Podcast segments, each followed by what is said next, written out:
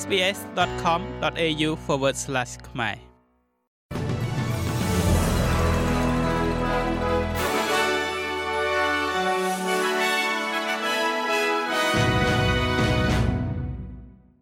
រដ្ឋមន្ត្រីក្រសួងអន្តរប្រវេសន៍លោក Andrew Gills មានប្រសាសន៍ថាលោកនឹងពិចារណាដោយប្រុងប្រយ័ត្នទៅលើការសម្រេចចិត្តរបស់តុលាការសហព័ន្ធពាក់ព័ន្ធនឹងការរក្សាការឃុំខ្លួនជនភៀសខ្លួននិងជនស្វែងសុំសិទ្ធិជ្រកកោននៅក្នុងសន្តាគារបន្ទាប់ពីត្រូវបាននាំយកមកក្នុងប្រទេសនេះដើម្បីព្យាបាលលោក Mustafa Azimitaba គឺជាជនភៀសខ្លួនជនជាតិអ៊ីរ៉ង់កាត់ Kurdish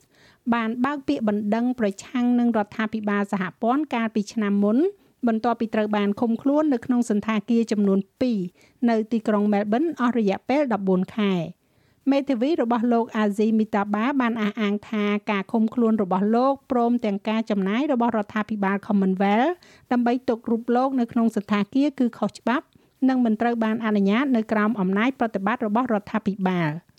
ទោះបីជាយ៉ាងណាក៏ដោយចៅក្រមតុលាការសហព័ន្ធបានសម្រេចនៅព្រឹកនេះ ថាគណៈពេលដែលការឃុំខ្លួនរបស់លោកខ្វះមនុស្សធម៌តែទីបំផុតវាគឺស្របច្បាប់មួយទៀតនោះពាក់ព័ន្ធជាមួយនឹងថ្លៃជួលដែលបន្តកើនឡើងការជួលអាផាតមិននៅចំកណ្ដាលទីក្រុងធំធំឡើងថ្លៃជិតស្មើតម្លៃជួលផ្ទះទាំងមូលហើយដោយសារតែជនចំណាក់ស្រុកបន្ថែមតម្រូវការសម្រាប់ការរស់នៅក្នុងតំបន់ទីក្រុង។ នៅទូទាំងរាជធានីទាំងអស់តម្លៃដែលដាក់ស្នើឡើងសម្រាប់ការជួលផ្ទះយូនីតបានកើនឡើង5.5%នៅក្នុងត្រីមាសខែមិថុនាបើធៀបទៅនឹងការកើនឡើង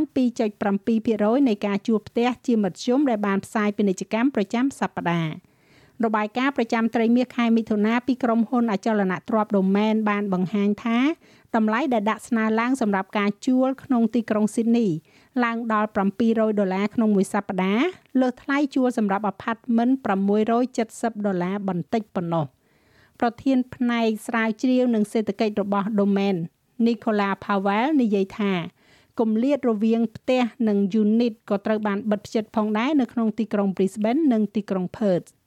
មួយទៀតនោះគឺពាក់ព័ន្ធជាមួយនឹងក្រុមហ៊ុន Telcos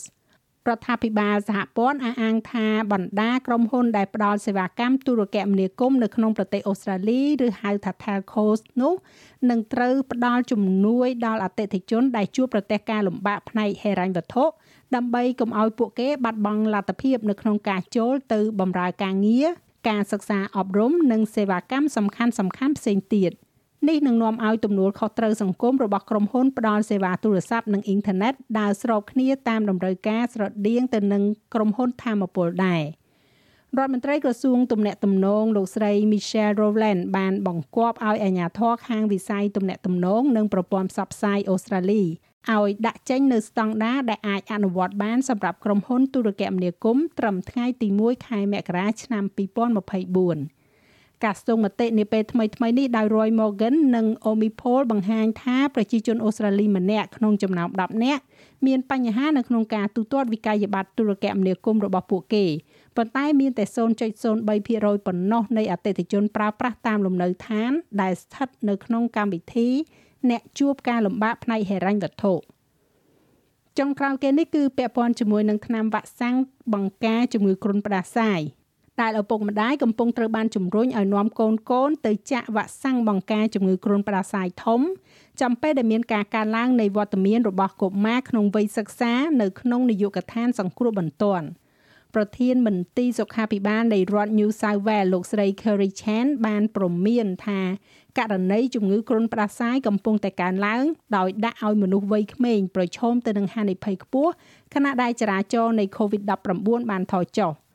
ករណីជំងឺគ្រុនផ្ដាសាយកំពុងឡើងដល់កម្រិតខ្ពស់បំផុត ជាពិសេសជំងឺគ្រុនផ្ដាសាយប្រភេទ Influenza B ដែលទំនោរជាមានឥទ្ធិពលខ្លាំងជាងមុនទៅលើកុមារក្នុងវ័យសិក្សាកាលពីសប្តាហ៍មុននាយកដ្ឋានសង្គ្រោះបន្ទាន់នៃរដ្ឋ New South Wales បានកត់ត្រាការកើនឡើង37%ចំពោះអ្នកជំងឺដែលមានអាការៈដូចជាជំងឺគ្រុនផ្ដាសាយធំជាមួយនឹង50%នៃពួកគេគឺមានអាយុក្រោម16ឆ្នាំ។